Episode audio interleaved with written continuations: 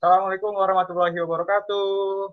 Halo semuanya, balik lagi di Karwita Podcast bareng Gunabahan. Mbak Cici.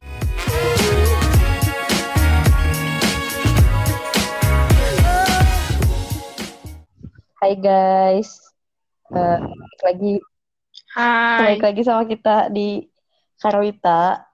Nah sekarang ada eh, kita kedatangan tamu Ban dan satu tamu kita diperkenalkannya. Hai teman-teman pendengar Karwita Podcast. Kenalin, aku Arin. Oke, jadi uh, di podcast episode 3 ini setelah kemarin kita ngobrol sama Bapak Faras uh, yang merantau di uh, kota lain atau ya dia jadi manusia minor lah di sana. Sekarang kita kedatangan satu tamu nih, orang keren juga. Wanita tangguh dari Politeknik. Ya enggak, Rin? Ya, Boleh dong, Arin. Kenalan dulu, Rin. Nama, udah. jurusan, eh, kuliah di mana, terus sekarang kesibukannya apa, Rin? Oke, eh, nama tadi udah ya Arina. Eh, kuliahnya di Politeknik Negeri Bandung ya, Polban, bukan Polisi Bandung. Terus eh, jurusannya Teknik Sipil. Kesibukannya sekarang eh, kesibukan kuliah sih, kuliah online kali ya gara-gara corona dan eh jadi semester ini tuh panjang banget kan gara-gara semuanya harus dibawa online dan nggak tahu ke apa sih kepastiannya bakal kayak gimana. Jadi eh, sampai sekarang aku belum beres semester 4 di saat yang lain udah pada UAS maksimal. Jadi ya sekarang sibuk kuliah online lah pasti sama beberapa kegiatan organisasi lah BEM. Udah sih. Gila Nah, sih, Bang. Rin, eh, keren. orang-orang mau nanya, orang nanya, orang Oh, nanya. Nah, Rin, eh, kalau misalnya di Polban itu, kan tadi eh, Maneh bilang eh, saat orang lain udah UAS, itu Maneh belum selesai. Nah, orang juga sering, apa maksudnya, orang sering menemukan Maneh ketika teman-teman semua udah UAS, udah beres, eh Maneh masih masuk. Itu tuh apa sih yang bikin beda gitu di Polban sama eh, apa ya kuliah-kuliah yang lain gitu? Orang ngelihatnya kayak kok sibuk banget gitu materinya entah itu padat atau gimana. Si waktu maneh kuliah tuh lebih panjang dibandingkan kita kita gitu. Kenapa tuh? Coba bisa dijelasin nggak? Sebenarnya apa sih di sana gitu? Ini sih karena eh, politeknik kan harus ada praktiknya gitu. Jadi karena eh apa ya? Aduh. kan kalau misalnya univ-univ lain tuh biasanya eh apa ya? Apa sih istilahnya? Pendidikannya tuh S1 dan kalau Polban itu kan D4, D3 alias vokasi gitu. Nah, vokasi itu kan harus banyak prakteknya. Jadi biar nanti di lapangan tuh eh yang eksekusinya tuh rata-rata dari anak-anak vokasi. Jadi eh, politeknik tuh banyak apa banyak praktiknya lah dan itu nggak bisa ditinggalin. Kalau mi- maksudnya nggak bisa ditinggalin online gitu. Jadi tetap aja harus dilakuin secara lapangan. Tapi karena kondisinya kayak gini, jadi ya pasti dari pihak tim dosennya, tim kampusnya juga apa ya banyak revisinya gitu dan gimana dan banyak ngakalinnya gimana biar si ilmu-ilmu praktiknya itu bisa tetap didapetin sama mahasiswa-mahasiswa tanpa harus eh, dipraktikin langsung which is aneh banget kan. Maksudnya kita harus bisa menguasai di lapangan yang mana harusnya itu tuh pakai praktek tapi nggak ada prakteknya sama sekali. Makanya banyak banget revisinya selama COVID gitu jadi ya gitu deh. Soalnya apa ya? Orang semester biasa tanpa coronanya aja kayak lama banget dan padat banget apalagi karena ada pandemi kayak gini makin makin lah gitu. Tapi Rin, itu teh bukan karena ini ya, bukan karena mana emang masuk ke terakhiran. Enggak, justru masuknya tuh eh, lebih dulu malah dibandingkan sama waktu waktu orang maba. Kan aku tuh kayak masuknya bareng-bareng sama anak TELU dan ITB sih waktu itu. Bahkan waktu teman-teman aku yang di ITS, yang di Unpad, itu masih pada libur dan aku tuh udah kayak ospek ospek univnya gitu loh. Heeh. Kan Unpad Jadi- memang terakhiran, Wak.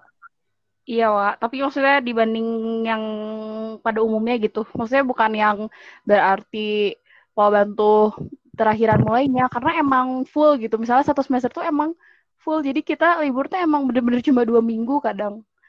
Jadi ya gitu deh.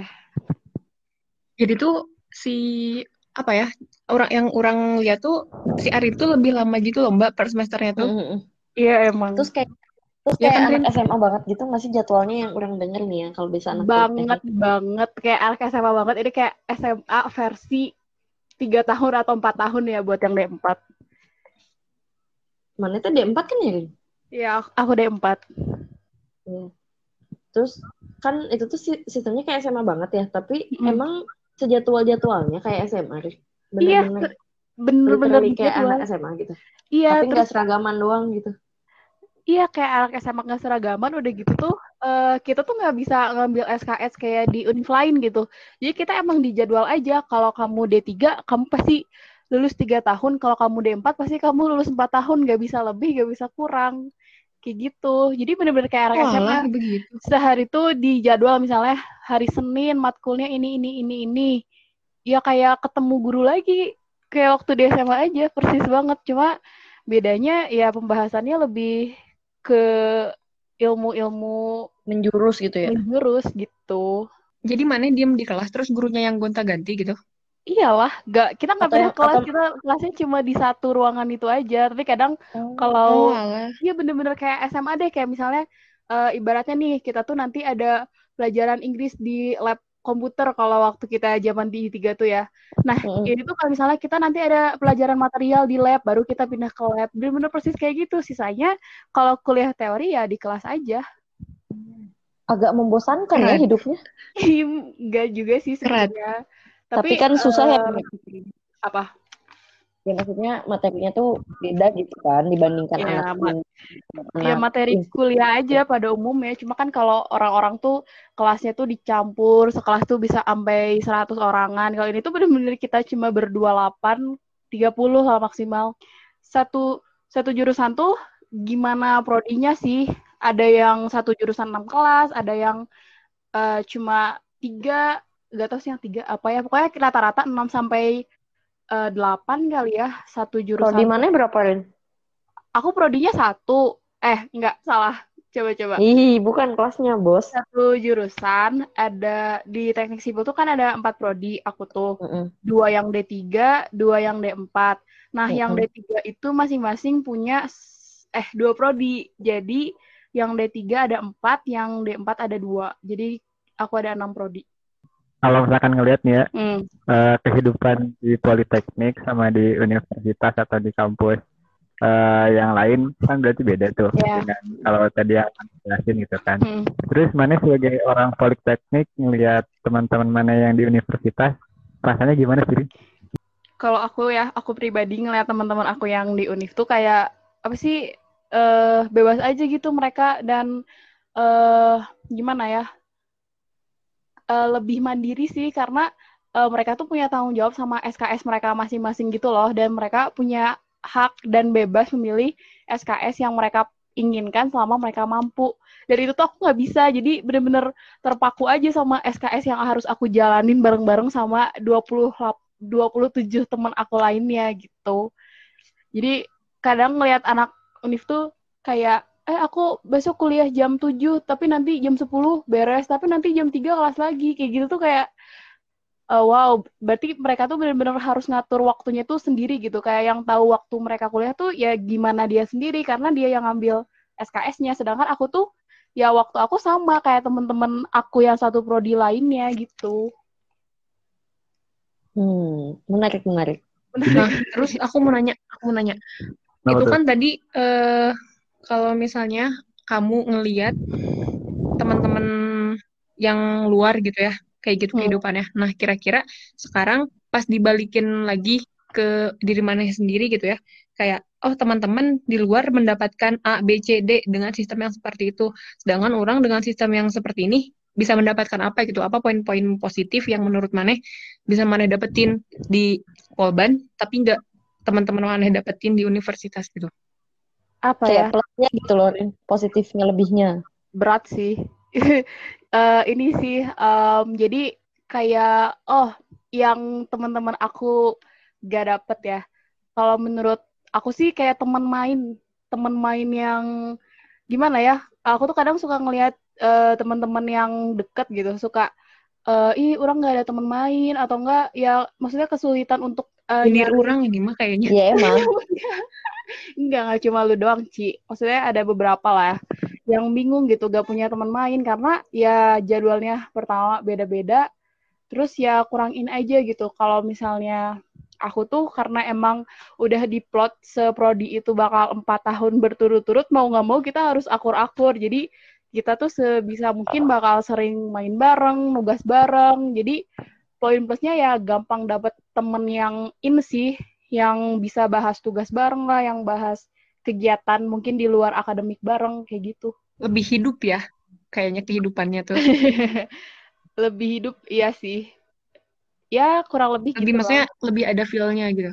Lebih ada feel ya karena lebih rame-rame lah intinya ngejalaninnya maksudnya kayak eh, bahkan sekarang juga di saat orang-orang kalau aku ya di saat orang-orang udah teman-teman aku yang di univ tuh udah libur mungkin udah beres uasnya atau gimana dan aku tuh masih kuliah tapi aku nggak ngerasa berat atau ngerasa tertekan gitu karena ya aku nggak ngejalanin sama teman-teman aku yang di univ karena aku ngejalaninnya sama teman-teman aku yang satu prodi gitu jadi ya gak berat soalnya kita ngejalaninnya rame-rame kayak gitu Orang mau nanya lagi nih, itu kan dari segi sosial ya. Kalau misalnya dari eh, segi akademik yang orang lihat tadi, em, mana kan apa ya kayak kurikulumnya banyak banget gitu loh. Apa sih materi-materi ajarannya tuh banyak banget belum tambah praktek. Nah itu kira-kira eh, kalau misalnya dibandingkan dengan materi yang di universitas atau institut, itu poin plusnya yang di Polban apa sih, Rin? Dengan maksudnya pasti itu lebih berat gitu dibandingkan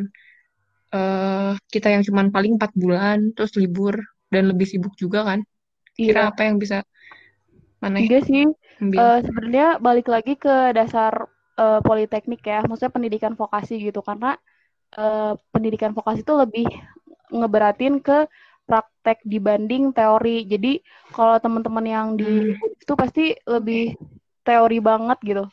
Sedangkan aku ya praktek, jadi teori aku tuh nggak sekuat teman-teman di univ. Jadi kalau misalnya sisi positif sama negatif di bidang akademik tuh kayaknya nggak ada apa ya, nggak ada nggak bisa dibandingin karena emang dari pada dasarnya eh, oh ya dasar itu juga beda gitu. jadi karena memang tujuannya untuk lebih ke kerja lapangan gitu ya Ya, lebih praktik yes. oke oke Tapi eh Rin. Eh, nyinggung yang tadi turun yang tadi kan mana bilang kalau teman-teman uni udah pada libur, terus mana belum libur nih. Tapi mana ada nggak sih secuil kayak ih gue pengen banget main sama teman-teman SMA yang dari uni lain, tapi gue malah sibuk di kampus lah, sibuk inilah gitu. Lu ada nggak sih secuil bete gitu sebagai manusia biasa? Ya ada lah, pasti ada di mana saat kayak kita tuh jenuh gitu main sama orang yang satu prodi aja mulu selama satu semester gitu.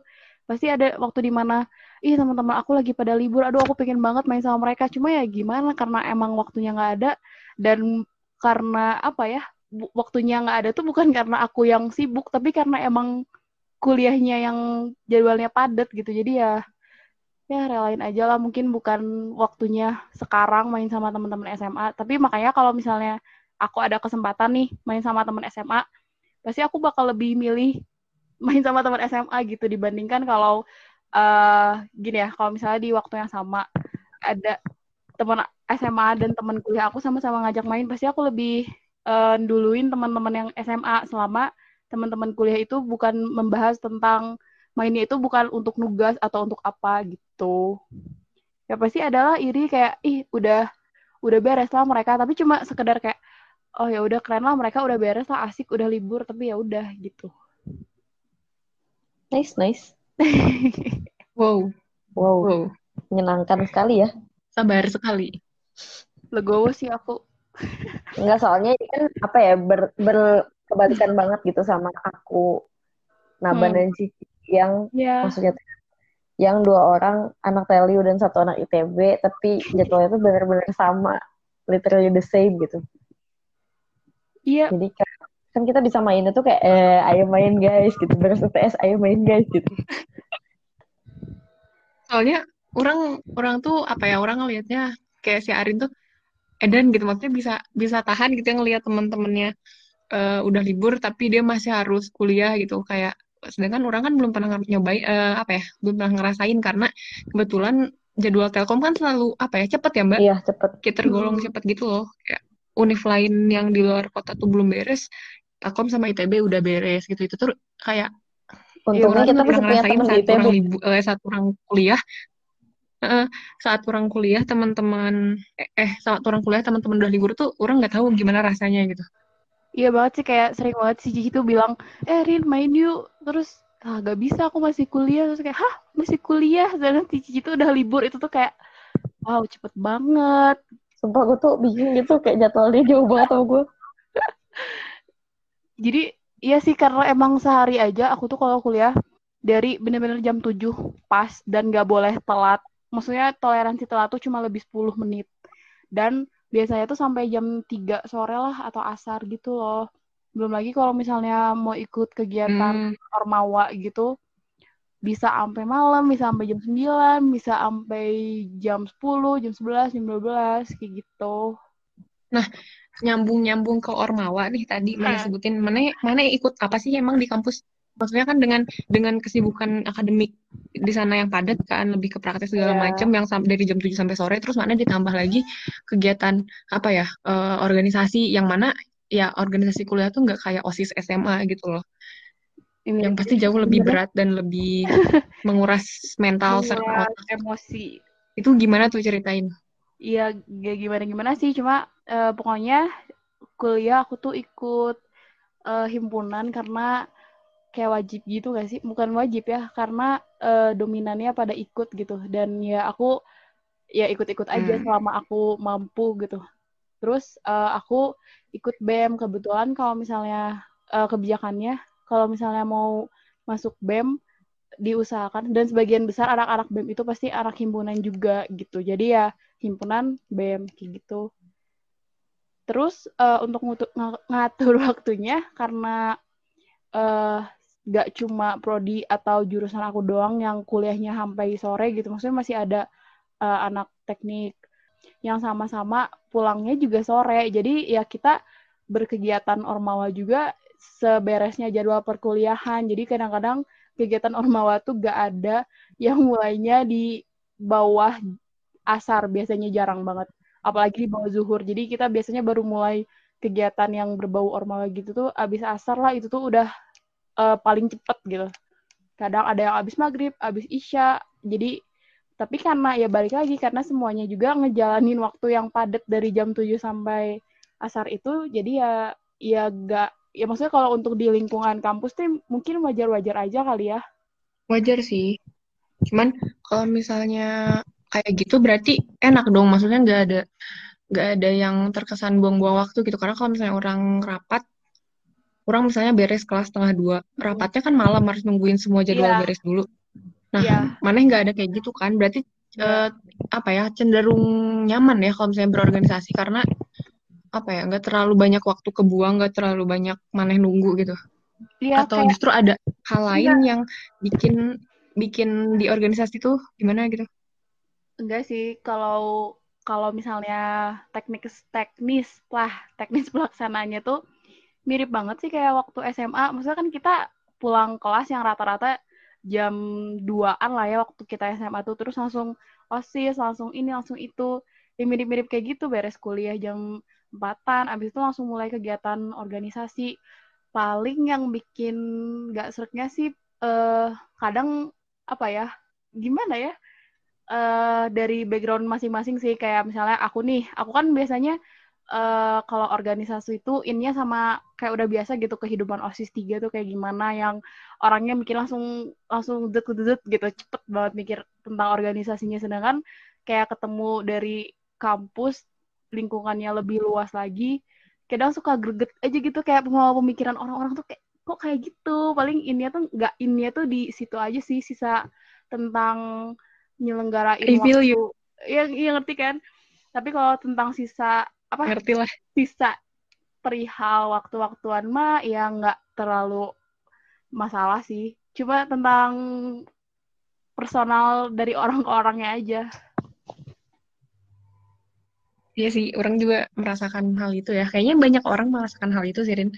Hmm. Terus em, orang nih ya, orang pribadi penasaran. Kan kita sama-sama eh, dari SMA udah anak organisasi ya. Terus kita sama-sama memutuskan untuk lanjut ke BEM, lanjut organisasi Ya. lagi kan di di kampus masing-masing. Cuman mungkin Ya. frekuensi organisasinya lebih organisasi mana ya? Lebih maksudnya si organisasinya lebih keras mana gitu dibandingkan organisasi-organisasi orang. Nah, itu ada nggak sih di satu satu titik di mana mana itu jenuh banget dengan maksudnya ya kuliah di Polban udah capek, udah udah maksudnya sepadat itu ditambah eh, organisasi yang mana apa ya kalau misalnya orang ngerasain ya Mm-mm. di kampus orang tuh kayak itu lagi itu lagi gitu kayak capek tapi orang sebenarnya muter-muter aja di situ sama-sama aja Iya. ilmu-ilmu yang orang dapet tuh nggak ada yang nambah. Nah mana pernah nggak sih eh, ketemu di satu momen itu gitu? Kayak orang tuh kayak kejebak ya di sini gitu kayak kenapa orang terus-terusan di organisasi? Ada nggak sih perasaan kayak gitu? Ada lah pasti ada lah. Nah terus eh, tapi kan apa ya saat Maneh mikir kayak gitu Maneh selalu ber Maneh pasti dal- apa ya sebagian dari diri Maneh mikir enggak pasti ada sisi positif yang bisa aing ambil gitu. Dari segala kekiasan ini dari segala eh, kemuter-muteran ini pasti Mhm. ada beberapa hal yang bisa orang ambil sebagai pelajaran. Nah kira-kira apa yang bisa Maneh ambil dari semua kesibukan dari organisasi dan dari masa-masa jenuh Maneh ada di organisasi gitu apa ya sebenarnya kalau misalnya nyari apa yang didapetin tuh kayaknya nggak bisa nggak bisa sekarang jawabnya. Mungkin bisa aku jawab pas udah nanti kerja kali ya. Karena ya belum Mm. karena kita masih ada di proses gitu. Kita masih belum bisa ngeliat. Eh, terus kalau misalnya so far ya, hmm, Maneh kan di kader nih, hmm, di ya, organisasinya tuh menganut kaderisasi-kaderisasi gitu. Nah, itu kira-kira ada nggak sih hal-hal positif yang bisa Maneh ambil dari sana gitu? Dengan kesibukan, dengan kios-kiosnya, dengan segala lika-likunya, naik turunnya, apa yang bisa Maneh ambil dari sana selain ngebatin atau capek atau segala macam? kalau eh ini ini eh, kita bahas dari zaman SMA ya kan aku tuh ikut osis Ya, waktu enggak. SMA tuh alias golden ticket gitu aku dan mbak gitu dan aku Hmm. tuh kayaknya waktu SMP SMA tuh jarang banget ikut organisasi yang eh, sebenarnya ada kadernya tapi aku biasanya ngelewatin puncak kadernya gitu loh kayak waktu SMA tuh kan pasti eh flow-nya naik naik naik terus sampai di kader baru eh, pengesahan anggota lah kayak gitu kurang lebih nah selama aku SMA itu kayak aku selalu skip bagian puncak kadernya itu loh. Entah berhalangan entah emang nggak mau ikut entah entah apa gitu. Kayak waktu SMA nih kan ada TNL tuh. Nah aku tuh nggak ikut puncaknya karena waktu itu aku Mm-mm. tuh kalau nggak salah nggak bisa pokoknya benar-benar nggak bisa aja. Nah terus aku nggak ikut LKO kan. Padahal LKO tuh ya kadernya gitu kader mau masuk OSIS dan aku langsung auto masuk OSIS karena golden ticket Nah, saat aku masuk kuliah itu aku bener-bener kayak gak pernah dapat ilmu kaderisasi. Mungkin kayak Cici nih, Cici waktu SMP pernah ikut kayak paskibra gitu kan. Jadi eh, tahu gitu ilmu kader tuh kayak gimana. Maksudnya pernah di kader, pernah di mentalnya diteken, di press gitu. Kayak untuk berpikir kritis dan aku tuh selama SMA tuh langsung ngelaksanain, ngelaksanain, ngelaksanain tanpa diteken gitu. Ngerasanya sih kayak gitu. Ngerasa aduh kok cukup banget aku gak pernah di kader kayak gitu. Jadi selalu penasaran gimana sih rasanya di kader di kader dimarahin orang di depan muka kayak gitu tuh? Kayak gimana? Sedangkan teman-teman aku yang di circle ikut kader semua gitu kayak si Mbak, mungkin si Cici, si Disha, si Sela, si Kindis, pokoknya semuanya udah pernah ikut kader kan. Jadi pas aku masuk kuliah dan aku masuk himpunan yang sistemnya kader, ya kayak oh akhirnya oh kayak gini loh kader. Apalagi waktu punya kader itu benar-benar sampai yang uh, bisa personal gitu loh ngomongnya. Terus kayak oh aku udah nih ngelewatin fase yang orang-orang tuh udah pernah ada di situ. Jadi aku ngerasa kayak oh ya udah akhirnya aku dapet juga ilmu digituin gitu ngerti gak sih kayak ditekan yeah, yeah. pemikiran aku kayak gitu jadi ya nah, ya mungkin bagi orang itu kok jadul atau gimana. Cuma kalau menurut aku kayak mm -hmm. aku baru pertama kali ngalamin ini kayak kayak akhirnya ngalamin juga gitu.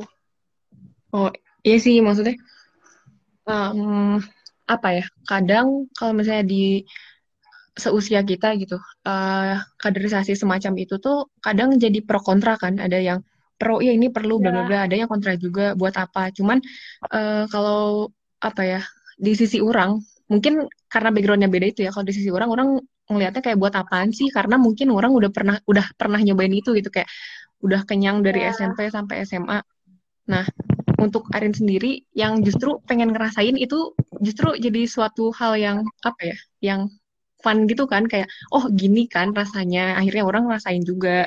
Akhirnya ya, orang bisa tahu gitu gimana gitu di kondisi kayak, seperti itu ya. uh, jadi apa ya selama uh, hal-hal seperti itu nggak selamanya berbau negatif mungkin ya. Dan mungkin bisa diceritain juga apa yang maneh dapetin saat uh, kaderisasi di sana. Hal-hal positif apa yang diturunin dari senior senior maneh di sana? Hmm, apa ya?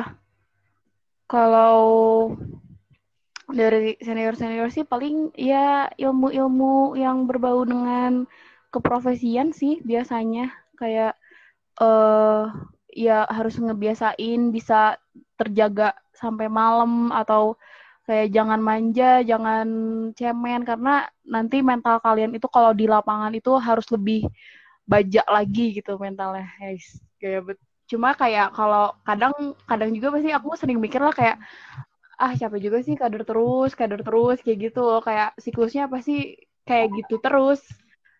Jadi ya kadang ada jenuhnya kadang ada kayak oh iya sih bermanfaat juga gitu iya sih benar soalnya kalau orang pernah orang pernah ngerasain kader dari SMP dan ya maksudnya lumayan lah lumayan menguras tenaga orang. Hmm. terus kayak tapi emang itu tuh jujur aja ya kalau di jurusan orang sekarang kayak kadernya tuh nggak terlalu gimana ya bahkan mungkin lebih santai daripada kader SMP dan SMA gitu. Jadinya tuh kecenderungannya orang jadi kasarnya mah meremehkan lah gitu. Mm. salah sih emang harusnya nggak boleh kayak gitu cuma ya kasarnya tuh jadi kayak kesannya tuh meremehkan gitu karena kayak aku udah tahu alurnya mungkin mungkin Arin juga kayak gitu kali ya karena maksudnya di SMA pernah gitu. Mungkin di Polban juga terjadi kayak gitu lagi. Iya.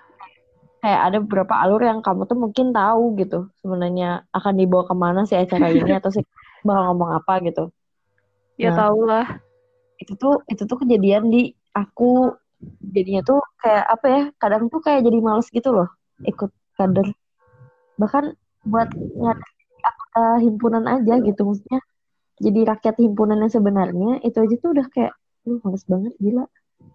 Bener sih pasti uh, waktu aku waktu aku dalam proses kader juga rasa kayaknya alurnya bakal kayak gini sih bakal ke arah sini pasti bakal ada uh, ya gitu-gitunya gitu.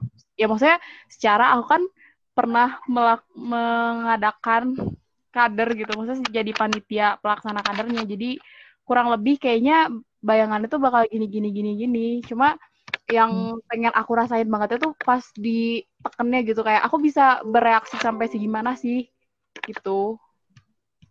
Hmm, lucu ya hari ini ya. Kalau orang tuh setiap kader ya udah gitu. Kalau misalnya orang udah nggak pengen ya udah cabut izin atau ngapain gitu. Saya orang tuh kan di kader jurusan orang tuh ada jatah izin gitu kan dua kali. Iya. Terus orang benar-benar memaksimalkan itu untuk kesenangan pribadi. Emang rada gue dan orang pas banget nggak datangnya itu pas ini pas apa namanya pas pas lagi sepi-sepinya gitu. Eh pas lagi rame-ramenya. Kayak lagi marah-marahnya gitu. Orang tuh pas banget dia datangnya tuh pas lagi kayak gitu. Itu nggak tahu tetap menyenangkan ya menurut orang Kalau udah bahas kader sih pasti panjang banget ya bahasannya. Dan tidak pernah Hmm. selesai kayaknya. asli. Tapi emang kader tuh sebenarnya mau di mana pun kalian kader tuh bakal tetap kayak gitu. Intinya adalah yang nge-build kalian jadi orang yang lebih baik gitu guys.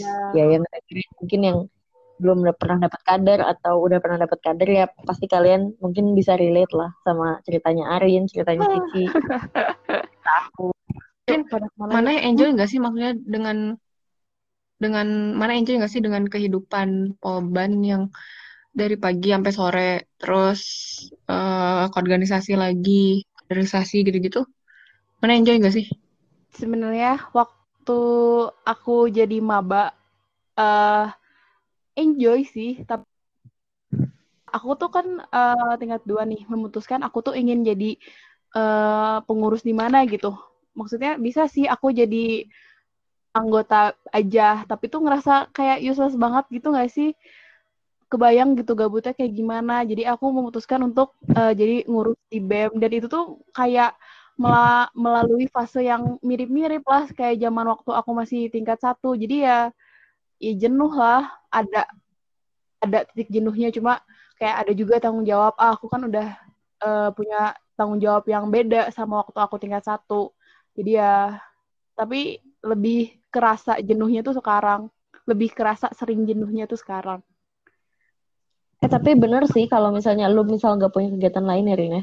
Lu kayaknya Heeh. bakal jadi gabut banget gitu karena kan tadi ya iya. jadwalnya tuh sama banget. Kayak SMA yang kayak lu bisa kupu-kupu banget kayak kuliah pulang kuliah pulang gitu kan. Sedangkan Mm-mm. kalau di uni atau di institut kan kayak apa ya kayak jadwalnya yang tadi lu bilang kayak misalnya jam 10 gue mulai nanti jam jam 12 gue udah udah beres setengah tiga gue mulai lagi jadi kayak ada free time free time yang emang gak bisa diisi sama kayak gituan gitu. Yes. Jadi kayak ya pertimbangannya juga banyak sih maksudnya. eh, aduh pengen kenapa sih aku pengen ngurus aku tuh sampai kadang mikir tuh kayak kayak ah gak usah aja gitu ya karena ya pasti dari gambaran aku tuh bakal ya mirip-mirip aja saat aku tingkat satu gitu. Tapi akhirnya aku jalanin karena setelah aku nanya-nanya ke teman-teman aku yang maksudnya yang tahu aku gitu kayak gimana terus kata mereka tuh ya kamu nggak akan bisa larin tanpa ke organisasi gitu loh. Kayak hah mana bakal gabut banget anjir katanya kayak gitu. Iya tapi rata-rata teman-teman mana juga pada organisasi hari ini? Iya kalau yang seprodi itu banyak banyak yang ikut himpunan? Soalnya kan kalau kalau orang kan jujur aja orang tuh tidak interest dengan himpunan orang gitu maksudnya biasa aja lah gitu. Bahkan kayak ya udah. Yang penting asal nggak non him aja gitu orang orang punya jahim udah gitu. Kayak eh, kewajiban orang selesai di situ gitu. Sebenarnya salah sih. Cuma kayak banyak banget kegiatan yang bisa dicoba gitu. Kayak salah atau apa. Mungkin di lu ada kayak gitu-gitu nggak sih Rin? Kayak aspek atau apa gitu. Kan secara Tapi- lu praktek banget ya. Iya tapi ini sih apa namanya maksudnya teman-teman aku juga nggak yang maksudnya yang organisasi tapi aktifnya tuh kayak kadang musiman aja gitu loh. Kalau udah deket-deket puncak sesuatu acara baru biasanya pada aktif. Tapi eh, nggak yang nagen aduh nagen tuh apa ya? Yang bakal ada selalu setiap saat di organisasinya itu loh. Nagen itu kayak konstan gitu kan? Kalau misalnya di iya. Definisiin konteks Oh, ini. oke oke. Mm. Eh, tadi ya eh, pas orang denger jawaban Maneh yang Maneh apa ya pada akhirnya kembali lagi ke keorganisasian karena karena apa ya karena lingkungan ya jatuhnya nggak sih? Karena teman-teman Hmm. Maneh bilang nggak bisa lah Maneh bakal gabut bla bla bla gitu. Nah pas Iya, Maneh jenuh apakah Maneh tidak tergoyahkan gitu karena maksudnya itu kan apa ya Maneh memutuskan itu karena ada pertimbangan juga dari eh pengaruh-pengaruh teman-teman gitu. Kayak Mm. gak lah mana pasti bakal gabut mana butuh banget organisasi bla bla bla. Itu pas maneh di bawah tuh ya pas maneh lagi mentalnya lagi di bawah tuh itu gimana cara mempertahanin mem- ngepertahaninnya biar maneh tetap ada di situ gitu. Karena kurang ngerasain kurang memutuskan dua keputusan itu berdasarkan orang lain dan orang sangat-sangat menyesal detik ini. Kayak Iya gitu. Kenapa mana bisa terus bertahan? eh kayak kalau misalnya lagi jenuh tuh ya apa namanya eh ingat lagi tanggung jawab kan aku udah jadi pengurus gitu pasti aku Hmm, ada yang diurus alias eh, staff-staff mudanya gitu yang butuh ilmu butuh diturunin ilmunya makanya kalau misalnya udah jenuh banget kayak ah kayak gini lagi kayak gini lagi atau enggak ah masalah yang sama atau enggak kayak aduh orang-orangnya malesin banget pasti inget lagi aduh kamu tuh bakal ngurus apa ayo tanggung jawab nanti kalau mis- misalnya para staf muda kamu nggak dapet ilmu tuh gimana gitu Tapi Rin ini deep down oh inside ya. jadi mana Orang nanya deh, beneran ya mah. Ini tuh emang deep down inside di dalam hati mana kayak gini atau ini muncul di bibir doang? Soalnya Iya bener soalnya itu kayak Gimana? susah banget implementnya gitu menurut orang. Kayak kita tahu kita tuh kita harus kayak gitu tapi kayak how gitu. Gimana mana mengimplement itu gitu. kayak gini sih sebenarnya eh, kalau misalnya eh jenuh ya dan apa ya dan kepikiran gimana biar si eh, penerus-penerus itu tuh bakal tetap dapat ilmu apa ya gak melulu harus kita tuh eh, ngasih ilmu terus ke mereka dan di saat kita jenuh. Paling cuma kalau kita jenuh tuh yang ngobrol-ngobrol aja gitu sama mereka ngekip jangan sampai mereka tuh kayak lost atau kayak kurang diperhatiin sama aku kayak gitu-gitu sih. Gak yang apa ya yang jenuh dan harus tetap eh, ngekip dengan ngasih materi organisasi enggak. Cuma kayak ngobrol kayak ke teman aja kayak gitu. Yang soalnya emang apa ya kayak berat sih tanggung jawabnya kalau misalnya tetap ngurus dan sam- sampai ilmunya nggak turun tuh kayak dosa banget gitu loh aku mikirnya Hmm. Mulia sekali hidupnya. Oh, karena Maneh eh, Maneh ada tanggung jawab untuk apa ya? Nurunin ilmu juga kan kayak meregen regenerasi si Iya. adik-adik Maneh biar gitu ya. Oh, oke. Jadi mau nggak mau ya orang juga ngerasa kayak oh itu sebuah kewajiban juga sih untuk Maneh sebagai kakak buat ngajarin ke adik-adiknya tentang apa ya ilmu ban tahan banting kayak atau apa kayak kayak bukan Tapi bukan apa namanya? deep, deep down inside apa ya? Maneh gimana? Pas jenuh gitu berusaha bertanggung jawab. Orang paham ya eh, Hmm. ketika seseorang udah jenuh tapi berusaha untuk tetap bertanggung jawab orang paham rasanya. Nah di saat kondisi seperti itu kita akan tetap ngejalanin tanggung jawab walaupun kita jenuh gitu. Kita tetap akan ngejalanin proker kita tetap akan ngedidik adik-adik. Tapi deep down inside eh di, nanti di dalam hati man itu ada nggak sih perasaan kayak anjir aing terpaksa banget gitu. Kayak ah gitu. Orang mau jalanin itu kayak ah ya udahlah yang penting orang tanggung jawab gitu. Ada nggak sih?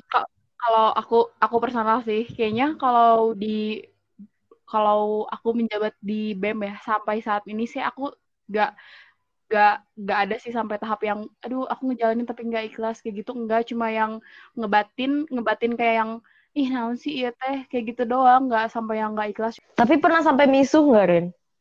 misuh sering lah Oh, nggak apa-apa sih, wajar-wajar. Nah, Rin setelah bahas-bahas bahas-bahas bahas-bahas tentang apa tuh tadi kaderisasi dan organisasi, orang mau nanya lagi nih. eh kalau di Polban, eh di Politeknik itu kan katanya cenderung banyak anak SMK-nya kan. Nah, itu Maneh sebagai alumni SMA, itu gimana Maneh survive di sana? Eh, Belum lagi mungkin lingkungannya yang beda ya. awalnya sih kayak struggle gimana dan cara Maneh bertahan? ya oke oke.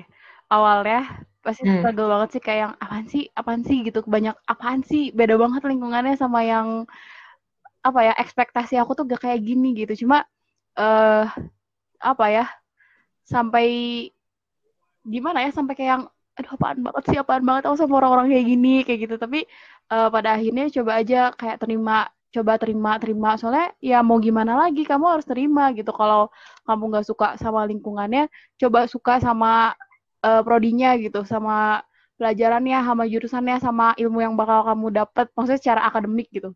Jadi ya nyoba aja gitu. Kita harus nyari di mana kita tuh eh yaudahlah jalanin aja gitu. Di dan nemu titik di mana kita harus apa ya harus bertahan di situ. Dan ikhlas sih. Dan ikhlas sih sebenarnya. Dan kalau gak ikhlas tuh kayak ngebatin aja terus sampai beres tuh. Kuliah pasti ngebatin terus dan aku mikir kayak ya kalau aku gak suka kalau aku gak ikhlas terus mau apa? Karena ya masa kamu mau SBMPTN lagi mau ngulang? Jadi ya gak ada yang bisa aku lakukan selain ya udahlah terima aja gitu. Ih, gila, ya udahlah terima aja Nanti akan ada waktunya ya. iya. So ide banget. Kalau udah lagi sambat mah Akan akan ada waktunya sih. Butuh proses mungkin ya, Rin. Sama Iya. seperti kejadian-kejadian yang apa ya gagal kegagalan-kegagalan terus masuk ke lingkungan Iya. yang tidak diinginkan itu kan butuh proses untuk menerimanya. Iya banget sih kayak misalnya eh, sampai di tahap ini pun itu tuh ada prosesnya gitu kayak ya aku aku masuk ke Polban meskipun aku nggak suka pasti ada sesuatu nih aku ada sesuatu karena aku masuk Polban ini gitu jadi ya jalanin aja kita nggak Yap, tahu sesuatu itu apa tapi ya jalanin aja gitu ya kita harus ber Benar thinking ya gitulah Benar, orang juga merasakan orang walaupun sambat-sambat di Telkom, maksudnya orang sa- sama sekali nggak cocok dengan lingkungannya gitu. Cuman Ya. orang selalu berpikir pasti ada alasan kenapa orang ditempatin di sini gitu dengan jalan semudah itu saat orang lain susah-susah. nah itu Terus ya gitulah pokoknya Maraneh tahu gitu perjalanan orang kayak gimana. Itu Yes. sangat apa ya obvious bahwa ya udah tempat orang memang di situ gitu. Orang eh, juga sama sebenarnya kayak Arin tadi. Ya pasti ada ada alasannya kenapa orang di sini. Makanya mengapa kita eh, bisa tetap survive sampai detik ini. Cuman ya itu butuh waktu ya untuk nanti mungkin untuk nanti dede-dede yang eh, apa ya dikasih Yang- pilihan lebih baik sama Allah ya sudahlah itu nanti akan ada masanya kita bisa menerima itu semua Yap, setuju banget. Nah, kita udah ngobrol nih, Rin, uh, panjang Hmm. lebar soal Polban dan segala kehidupan mana di dalamnya. Untuk mengakhiri podcast ini, ada nggak sih kayak satu atau dua pesan yang mana mau sampaikan sebagai closing statement, sesuatu yang bisa uh, di-share buat teman-teman di luar sana gitu, tentang apa yang mana alami di Polban. mungkin buat teman-teman yang masih kayak eh menjalani sesuatu dan kayak nggak ikhlas aja gitu atau ngerasa kayak tempat aku tuh bukan di sini gitu atau apa sih ada apa sih kayak kenapa aku di sini gitu. Eh mungkin eh, harus coba buat ikhlas dan jalanin dulu aja gitu. Dan cari sebuah hal yang eh, kalian tuh bisa bisa membuat kalian bertahan di sana gitu. Misal kayak kalau misalnya aku waktu awal-awal banget juga emang gak terima banget gitu ngerasa masuk Polban tuh aduh apa banget sih apa banget? Tapi eh, aku tuh harus bertahan karena aku suka banget sama prodinya aku suka sama prospek pro- prodinya gitu. Aku minimal aku bertahan karena itu dan eh, belajar juga buat kayak ngejalanin aja jalanin dulu aja baru nanti ikhlas dan akhirnya ke sananya bakal enjoy gitu.